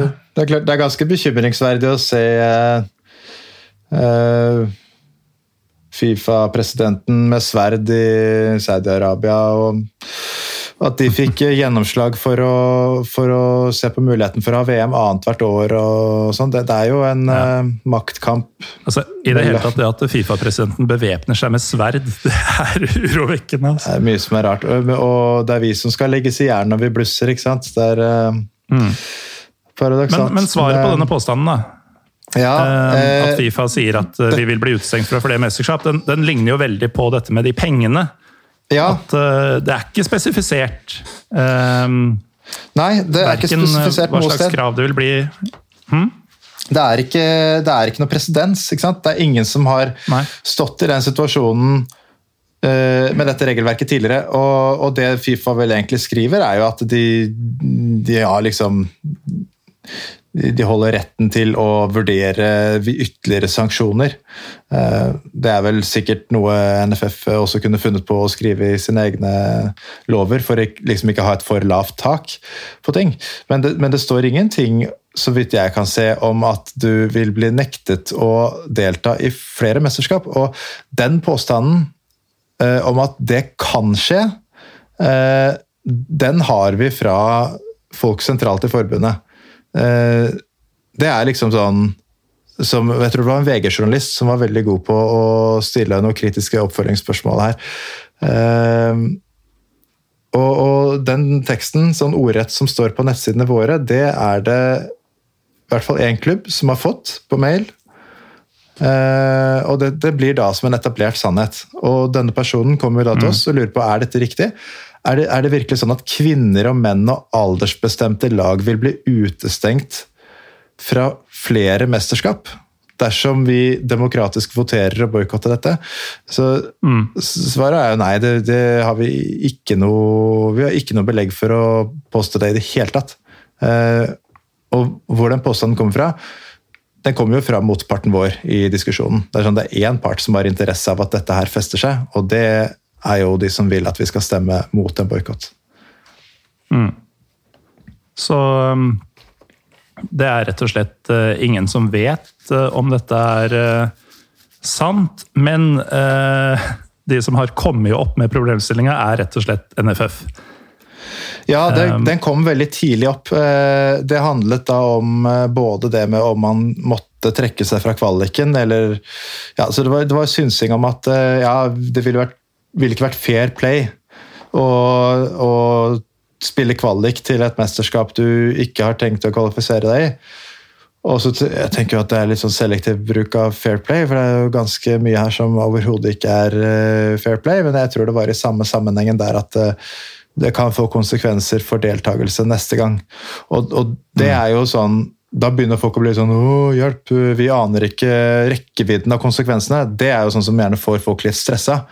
Så når du ikke engang mm. vet hvor dyrt det kommer til å bli, hvis du bare hører at det er en stygg lyd under bilen din, og du vet at det blir dyrt, men du aner ikke hvor dyrt, da blir du engstelig, liksom. Og det de klarer å plante her, da, med dette 205 millioners regnestykket og muligheten for at Fifa skal ut, kaste ut av neste VM også, det er jo den frykten for uante konsekvenser. Mm. Da er det ikke så lett å måle det lenger. Da kan vi liksom ikke si hvor mye er et liv verdt før vi skal si at dette er vi ikke med på? Fordi du, mm. gjør, du gjør, regnestykket så diffust at det går ikke an å regne på det. liksom. Og ingen i utvalget, i Qatar-utvalget klarer å trekke en linje for hvor mye skal vi finne oss i før vi faktisk vil gå for boikott. Mm. Det er det ingen som kan svare på. Så vi, vi har jo ikke vi har ikke egentlig klart å avklare noe med hva, hvor mye er greit for oss. Hva skal Norge være med på? Nei, og eh, det, akkurat det med verdispørsmålet, det er jo for så vidt det alt her handler om. Men eh, det er jo den eh, femte og siste påstanden dere imøtekommer på fotballsupporter.no. Påstanden er det har vært bedring i Qatar. Mm. Og selv om det til en viss grad er sant, så er det ikke sånn Det er ikke dritmye bedre nå enn for ti år siden. Nei, og, og det vi på en måte ønsker å ta litt fram her, er jo kildebruken deres. Eh, for mm. Amnesty har også uttalt at en bred front med oppmerksomhet internasjonalt har bidratt til bedring. Eh, vanskelig å si eksakt hva, hva, de mener har blitt eh, bedre, men eh, det Qatar-utvalget støtter seg på, og det NFF stadig trekker fram som sitt sannhetsvitne, er jo ILO. Som er eh, en eh, lokal fløy av en, eh, en verdensomspennende organisasjon, men med det, det, er bare i Qatar at Qatar selv betaler for at ILO skal være der og observere dem. Mm. Og de var veldig kritiske til Qatar og forholdene der da Qatar fikk mesterskapet. Og de var ganske brysomme. De hadde stadig kritiske rapporter fram til november 2017. Da inngikk Qatar en assistanse med ILO som heter teknisk assistanse. Inngikk en avtale, sa jeg assistanse. De gjør i hvert fall en avtale om at Qatar nå finansierer dem. Og i løpet av eh, tre år så har de fått til sammen 250 millioner. Og idet den avtalen ble inngått, så stoppet ILO all behandling av klagesaker som omhandlet migrantarbeidere. Og, ja, pussig sammentreff. Og etter det, ja, og etter november 2017 så har det ikke blitt publisert en eneste kritisk rapport fra ILO som nå er betalt av Qatar.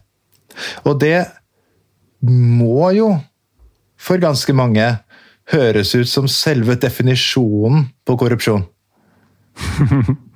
Du, Nei, du, definisjonen der... på korrupsjon er at eh, NSA tilbyr klubber eh, som GOK IL ja. muligheten til å få sin stemme hørt på et fysisk fotballting. Det, ja. det skjønner du, Fosse. Det er sant. Det er sant.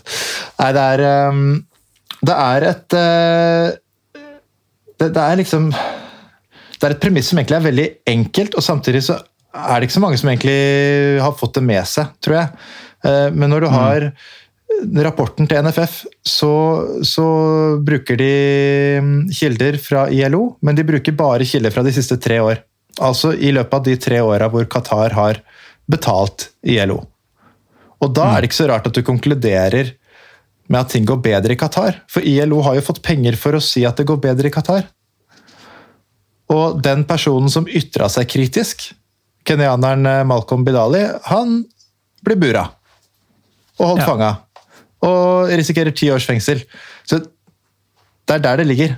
Man, man kan ikke ukritisk tro på at eh, ting går veldig mye bedre når kilden din rett offentlig står på payrollen til Qatar, som de er satt til å observere.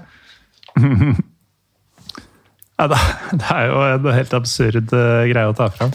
Det slår, Har, det slår, jo beina under hele, under hele, kilden deres, og så er det jo andre gjestearbeidere som står fram uh, nå i disse dager. Og dette er i videoer som også omtaler uh, brevene fra forbundet, så dette er veldig nylig.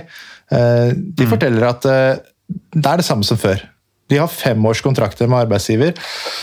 De jobber for under minstelønn, og de har ikke fridager. Og så er det helt sikkert variasjoner, men at det skal være sånn udelt positivt at nå, nå har vi innført reformer. De reformene kan innføres på papiret for å sminke udyret, og så er VM over, og så forsvinner nesten all mulighet til å egentlig gjøre noe med det, eller mene noe om det. Mm. Men de som ikke forsvinner, er jo menneskerettighetsorganisasjoner som Amnesty f.eks. Mm. Som, som tross alt har vært interessert i Qatar eh, siden lenge, før det ble snakk om noe, noe VM. Mm. Uh, og et av hovedargumentene for uh, uh, hva skal vi si, nei-siden i denne saken, er jo at um, det, det, i hvert fall ikke blir bedre om ikke fotballen er der. Altså at at med, med, den oppmerksomheten som et VM skaper, at det bare kan være positivt. Men når Amnesty da så bastant slår fast at Fifa-greiene og NFF-greiene og sånn, det, det, har ikke betydd noe som helst, egentlig. Det er mm. vi og andre organisasjoner som driver på med det vi driver med. Det er vi som gjør en forskjell. Mm. De uh, har vært der før, og de kommer til å være der etterpå. Så um, jeg, jeg, har liksom i perioder vært tilbøyelig til å sluke at noe kanskje presses fram gjennom at man har VM der. Men eh, jeg er virkelig ikke så sikker på det lenger heller. Ass. Nei, vi hadde jo et uh, mesterskap i uh, Beijing for noen år siden.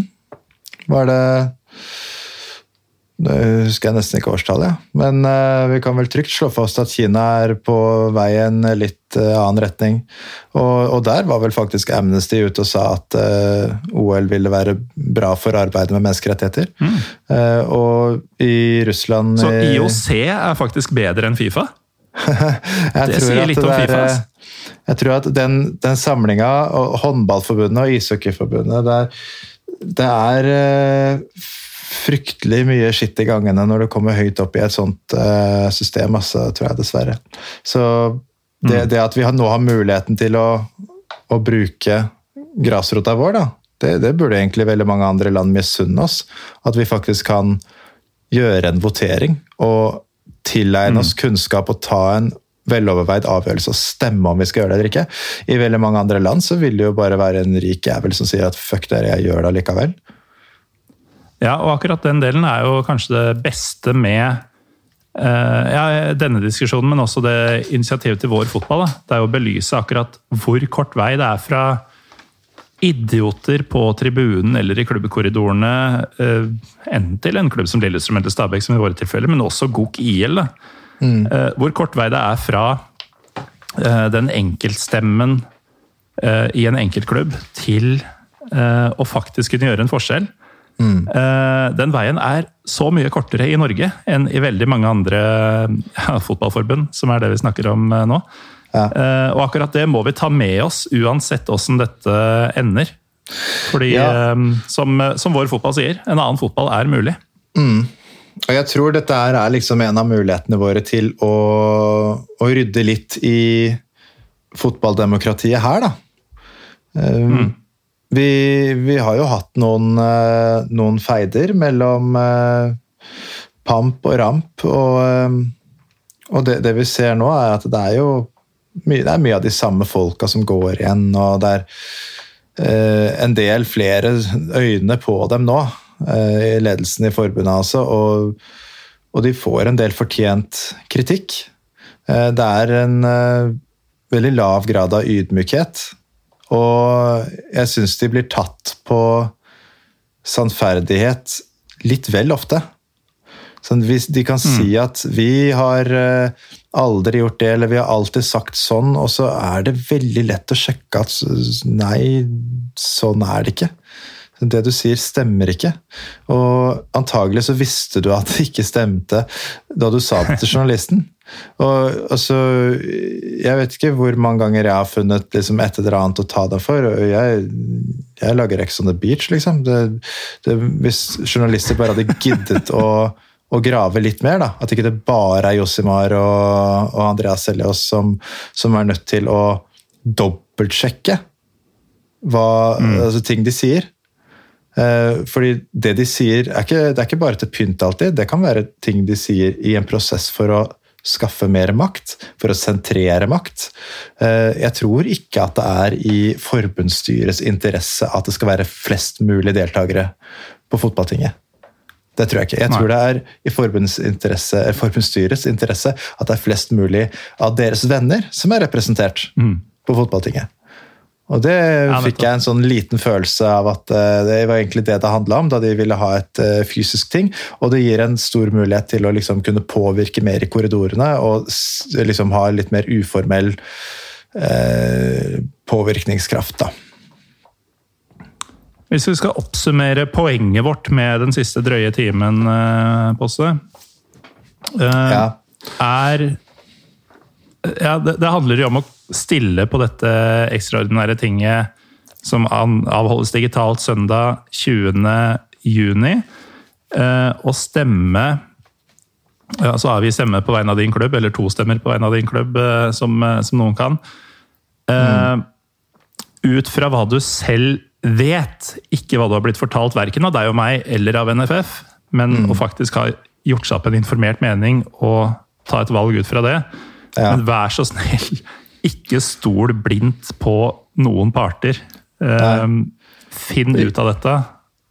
Ikke stol blindt på noen. Ikke, ikke bare stol blindt på meg heller, men det er sunt å få kildene sine fra flere steder. Og det er så viktig at vi liksom gidder å involvere oss, at ikke vi tenker at dette er det noen andre som tar seg av, eller dette spiller ikke noen rolle, eller noe sånt. Det er uh, det er en påmeldingsfrist fredag 11. juni, og hvis du er med i en breddeklubb og har lyst til å ha et synspunkt om dette i det hele tatt, så må du melde deg på.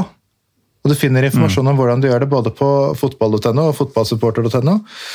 Og så tenker jeg også det er viktig at uh, når vi skal diskutere dette her Jeg vet at det er, det er også mange i Stabæk som ikke er enig med meg Eh, det er viktig at vi liksom ikke dehumaniserer hverandre og, og begynner å tenke at Uh, du bryr deg ikke om menneskerettigheter fordi uh, du mener noe annet, eller noe sånt. Altså, vi hører jo veldig ofte om ytterpunktene i debatten, liksom. og særlig er det jo sånn mm. politisk og i tabloidpressen og sånn. og Vi må gjøre oss selv den tjeneste at vi skal, vi skal tross alt fungere sammen Eh, etter den voteringen også. Eh, så jeg tror det er viktig at vi tør å høre hverandre ut. Men for alles del, les deg litt opp før du er bastant, liksom. Det er ingen som liker en mm. uh, besserwisser. Det er veldig, veldig mye bedre å få høre en god refleksjon som jeg egentlig er uenig med, enn noen som bare liksom ja, det er bare så De som ikke har skjønt det, de er noen idioter og sånn. Altså, jeg, jeg tror på Jeg hører at du har vært på Martins. ja, det er- mulig at eh, klientellet er eh, merkbart likt andre steder. Nå er det veldig lenge siden jeg var på et utested, altså. så det Jeg husker ikke egentlig hvordan det er. Nei, Nei, men det er, eh, Men det har du kanskje ja. aldri visst? Gardina går ned når døra går opp. Uh, nei, men det er, eh, det er altså kanskje en historisk dag. Hvis man skal liksom våge å, å tenke litt pompøst om det. fordi alle, veldig mange i starten var sånn hva Norge sier og hva Norge gjør, det er ingen som bryr seg om. Men faktum er at det, det er ganske mange som bryr seg om hva Norge gjør.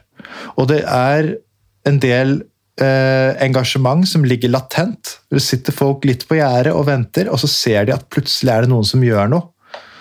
Og så blir de inspirert til å gjøre det samme. Så dette her er ikke noe dette er ikke noe smågreier. Det er vår viktigste avgjørelse i, kanskje i fotballhistorien, liksom. Og, og dere som er ute i bredden, er med på å avgjøre det. Dere trenger bare å melde dere på uh, tinget og sitte på Teams søndag. Herregud, gjør det, da. Ja, Det fine med å sitte på Teams er jo at eh, du kan ha slått av skjermen og trenger ikke å kle deg opp. Du trenger, ikke å, trenger egentlig ikke å forlate senga engang. Eh, Du må bare sitte og ha på lyden og så trykke på den og den knappen når stemminga skal foregå. Og det greier du hvis du har mulighet, eh, altså lov, til å stille på det møtet. Ja. Selv om det er en søndag. Altså, jeg kommer ikke helt over at det skal være på en søndag. Men Nei, det det, er ikke medlem av noen breddeklubb. det får være et eh, mysterium eh, som får kretse på Ullevål. Nei, det er, du må ha fylt 16 år, du må ha vært medlem av klubben din i én måned, og da kan du meldes på. Eh, Du finner søknadsskjema veldig enkelt både på fotball.no og fotballsupporter.no. Og les deg opp. Ikke kjøp et argument for enkelt hvis du hører noe som du føler er på tvers av hva du har fått høre tidligere. Så still et kritisk oppfølgingsspørsmål. Eh, hvis du, selvfølgelig hvis du ikke er på et møte med en krets da, hvor eh, Svendsen og Mollekleiv måtte dra videre før det ble noen kritiske spørsmål. En liten sånn flamme i den siste kommentaren der. Det er så mange ting. vet du. Jeg prøver å gjøre dette oversiktlig, men det har jo vært en million små slag, dette her. Det har jo det. Ja, men altså, jeg, jeg, jeg er sliten av dette her. Ja, ja. Og, og, jeg, og jeg er jo ikke, holdt på å si eh, Jeg er jo ikke den som veit minst om dette fra før. Eh, men, men det er fortsatt liksom, det er for mye eh, mas i begge retninger. Ja, Det er så, veldig mye så de som faktisk sitter på gjerdet eller har meldt seg ut eller har bare bestemt seg for at den ene sida snakker tull eh, Jeg skjønner dem litt, eh, Mm. men jeg håper at de skjerper seg eh, tidsnok til å faktisk ta dette på alvor. Ja. da. Jeg skjønner at det blir mye, og jeg håper at den konsise oppsummeringa jeg har skrevet, i hvert fall er, er spiselig. Ehm, og at det er mulig å, å i hvert fall bruke det som én av flere kilder, da. Mm. Men jeg, jeg, Jeg skjønner, jo- det er jo det er litt morsomt hvordan bare liksom Twitter-feiden mellom Henrik Lunde og, og alle andre på Twitter er med på faktisk fordele stemmer. I, altså, Ja, det, det- sier jo litt om hvor det langt det har gått. For det, det var Ja, jo en, og- eh, en kostelig greie, liksom. Det det er veldig synd at han ikke ville delta i dag. Jeg skal ikke, jeg skal ikke si for Ja. mye om han når han ikke kan forsvare seg her, men, men det er jo av de, en av de store Twitter-opplevelsene mine i år, i hvert fall. Ja, og det du sikter til her, er jo for de som ikke er på Twitter, eller som ikke bor på Twitter i helgene. eh, I hvert fall når det er masse sol og masse digg som kan skje. eh, er jo at Henrik Lunde, som er seksjonsleder for eh, et eller annet i NFF, han, eh, han, han var særdeles aktiv i, i å oppsøke diskusjoner om dette her på Twitter i helga som var. Og ikke nødvendigvis den ryddigste debatteknikken. Noe jeg for så vidt tok han på i en eller to tweets. Som da igjen kan ha ført til at da jeg inviterte han hit i dag, så kan han ha sett på det som en litt sånn sarkastisk greie, og at det er grunnen til at jeg aldri fikk noe svar. Men det trenger ikke Ja. ha vært eh, grunnen. Nei, Men han var var- invitert, da. Er det jeg prøver å si. Ja, det, vi, vi prøvde i hvert fall. Uh, og du skal være usedvanlig god i, uh, på, på Twitter for å finne fram i de diskusjonene. For så mye på kryss og tvers har jeg nesten aldri sett at det har gått. Uh, og så var det til slutt eh, en som fikk nok og sa at nå eh, Herregud, du bare driver og troller og, og sånn. Eh, og, og plutselig så var det jo 300 stykker som var enige med han og, og ikke med Henrik. Og da tenker jeg at hvis, hvis, eh, hvis jeg kaster meg ut i en debatt, da, og personen som sier at nå får du faen meg gi deg, får 300 likes, og jeg får ingen, da, da hadde jeg tatt en liten runde med meg sjæl. Men, Du eh, hadde men ikke kalt det en hetskampanje? jeg hadde ikke sagt at eh, dette er nøyaktig samme metoder som hetskampanje fra høyreekstreme. Det hadde jeg ikke sagt. gjort det, altså. Jeg hadde ikke uh, begynt å skrive latin om det å ta mann og ikke ball. Jeg hadde jeg, Vet du hva, det, jeg håper Jeg håper at ikke dette er meg om 20 år. Hvis ting bare Tenk, tenk, tenk deg det, Morten. Hvis ting bare skjærer seg noe jævlig, og så blir jeg en sånn seksjonsleder et eller annet sted som bare fyrer opp på Twitter. Eh, Ja, kanskje ikke der, men så sier jeg at jeg, at jeg Fordi det er jo ikke det at Du er faktisk uh, unhirable, eller hva det heter. I, i Ja, jeg er- for er all framtid, det kan jeg er nok på en svartliste der, ja. Men bare tenk deg det. For det er jo ikke sånn at han isolert sett alltid skriver noe som er eh, riv ruskende feil, men det er noe med at en som har vært i et debattmiljø en stund, skjønner at det du mener og det du insinuerer, selv om du ikke sier det direkte, er for å provosere. Og Hvis du gjør det lenge nok, så kommer jo folk til slutt til å tilte på deg. Og da, da kan du liksom kanskje få det til å se ut som at ah, nå er jeg den store, og nå gikk du for langt, og sånn og sånn, men, men her ble bare hele greia gjennomskuet. da. Eh, og jeg husker ikke engang hva vi begynte å snakke om. Det var uh, helt sikkert noe sånn eh, kommunikasjon ut til breddeklubbene og regnestykke og budsjett. Og, ja. og så, så har vi jo I andre enden så har vi jo Gro, ikke sant, som gjør så godt hun kan for å informere. og Hun er jo veldig redelig. og, og gjør så Jo godt Tvedt Andreassen fra ja, NFF. ja. Hun, hun gjør jo alt hun kan for å faktisk altså, Jeg er ikke alltid enig med henne, men hun er veldig saklig og, og gjør det hun kan for å, for å faktisk informere. Og så er det noen andre som bare gjør det helt motsatt. Det har vært ganske stille på Twitter i dag. Eh, Jeg vet ikke om eh, Og i går. Er det noen som har fått en telefon, eh, tror du?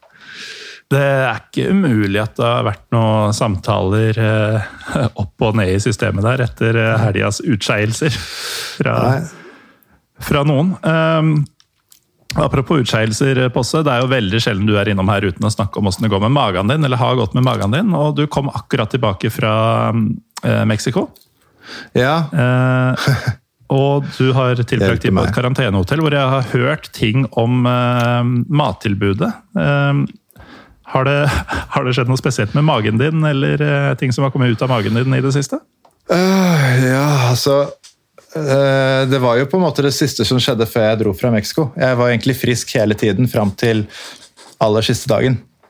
Øh, men, Så du har øh, faktisk en story men- her, altså? Nei, den storyen er ikke så spennende. Altså, jeg dro på Mækkern for første gang på to og en halv måned, og jeg, det var ikke noe suksess. Men, men det, det som jeg skal si, det er at karantenehotell, det er en opplevelse som Ja, Hvor lenge var du der? Måtte du sitte hele tida, eller fikk du snakka deg ut? eh? Nei, vi, vi fikk testa oss ut, men det som skjer Jeg, jeg vet ikke om du så den artikkelen på Minerva med, med hun ene dama som hadde brukt fem timer fra hun landa til hun kom på hotellet. Som forteller om hvordan vektere driver og gjeter deg hit og dit. Sånn.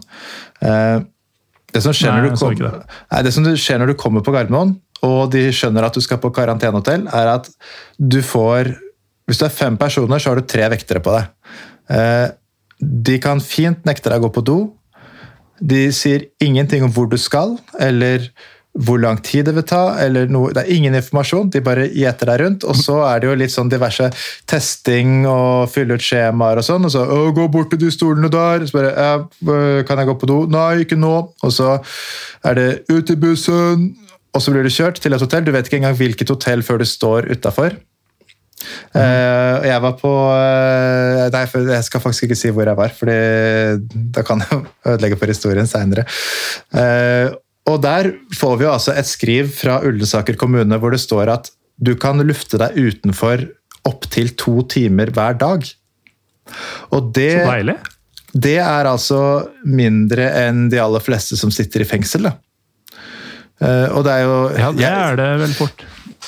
For å si det sånn, jeg var, jeg var, veldig innstilt på at jeg skulle i karantene. Jeg hadde jo leid en egen hybel for at jeg skulle være alene. Og vi kom fra en stat i Mexico som hadde lavere smittetrykk enn Norge. Så det farligste mm. for oss var jo egentlig å komme hjem. Eh, så det er ikke det at jeg ikke har forståelse for hvorfor man tenker at karantenehotell er en god idé. Men dette er jo et hotell hvor det også bor folk som er smitta, og vi vet ikke hvor de bor. Mm. Vi bare vet at de er et eller annet sted på hotellet. Og så blir du bedt om å da sitte på det rommet og få tre måltider på gulvet. Eh, tre ganger om dagen. Og noe er ok, noe er eh, bare spy. Eh, så da får du lyst til å komme deg ut litt. ikke sant? Og ved mm. hovedinngangen i dette hotellet så sitter det da en, en PSS-vakt. Og de kunne noen ganger være veldig hyggelige, og andre ganger så kunne de være ganske nazi. Og da kunne det bl.a. skje at uh, de truer med å ringe politiet hvis du går ut uh, for å hente noe i bilen. Uh, en jente ble nektet å gå og kjøpe tamponger, og måtte få tamponger av en annen kvinnelig vekter. En kar spurte kan jeg gå ut og møte en kompis og så stå to meter unna hverandre og prate. Og da fikk han høre at vekteren skulle dra kompisen inn på karantenehotellet. Det, er, det, var bedre? Det, det, er sterkt. Å true med å liksom trekke kompisen din inn i et smittefarlig område. Eh, det, det var jo en, en, en, oppvisning i hva som skjer hvis du brått gir personer mye mer makt enn de egentlig er i stand til å håndtere. Mm. Utfallet av det kan jo bli ganske Eh, ganske morsomt. Og, og, og, jeg kan være litt sånn Jeg hadde litt lyst til å kverulere på sånn Har du lov til å si at vi skal være her i maks to timer? og sånn, Jeg blir litt sånn Hva står det egentlig i forskriften? Eh, det har jeg jo vært inne på før. Eh, men de vokta i hvert fall den utgangsdøra eh, med livet som innsats. Eh, fem meter til høyre for den døra så var det en annen dør. Og der var det ingen som holdt vakt. Så der kunne man bare gå ut og ikke registrere seg. Og egentlig være borte så lenge som mulig. Så her handlet det jo egentlig om å være ute så lenge som mulig, og med så stort arrangement som mulig. Så ut den døra så gikk det da eh, kasser med øl, prosjektor og lerret, eh, engangsgriller og kjølebager og et lite aggregat. Eh, og vi hadde Uh, selvfølgelig med avstand og alt sånt, men vi satt ute åtte timer hver dag og drakk og grilla. Og jeg har hatt en helt fantastisk uke. Hvor fikk dere grillene og ølet og sånn fra? Vi bestilte på det som heter Oda nå, som uh, het kolonial.no før. Aha. Så der kan du bare få en kasse levert på karantenehotellet, og så kan du velge Det er veldig greit å vite. Ja.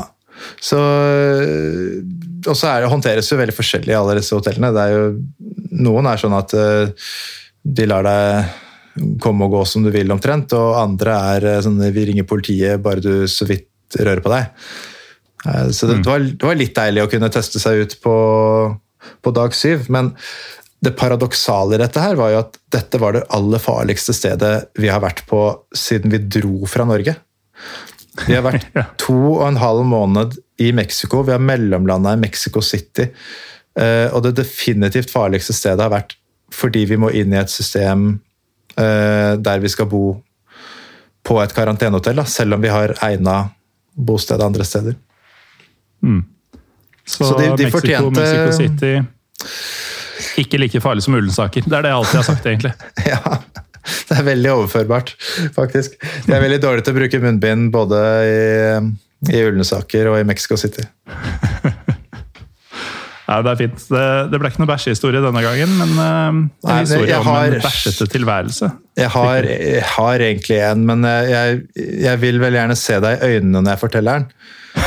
Så vi, jeg føler at vi må utsette den til neste. Vi, vi, sa jo litt spøkefullt uh, i forkant av denne episoden at vi kunne ta med opptaksutstyr og sitte på Onkel Blå. Ja. Uh, vi får gjøre det neste gang, hvis det ikke er mulig å sitte i studio. Og så ja. får du ta det der. Ja, nei, nå må vi snart komme tilbake til normalen. Altså. Vi kan ikke holde på sånn her. Apropos normalen, jeg må, jeg må vekk fra denne jævla mikrofonen og denne jævla skjermen. Så takk, Bjørnberg Passe Sambo, for at du var med oss. Du er vel ikke jetlaga lenger, men Nei, takk for at dere gadd å høre på. Det er helt sjukt om noen fortsatt eh, er med her nå. Halvannen time, men det er jo, eh, som noen sier, eh, fotballens framtid som står på spill. Ja. Og for de som ikke nødvendigvis mener det, så er det jo veldig greit å vite hva det faktisk er Norge skal stemme over, eller Fotball-Norge skal stemme over om halvannen ukes tid. Så takk igjen, Posse, for at du var med. Takk til deg som hører på. Takk til deg som skal stemme den 20. juni. Vi er Pyro Pivopod på Twitter og Instagram. Og jeg glemte nesten å si i løpet av over halvannen time at jeg heter Morten Galaasen. Det blir siste ord.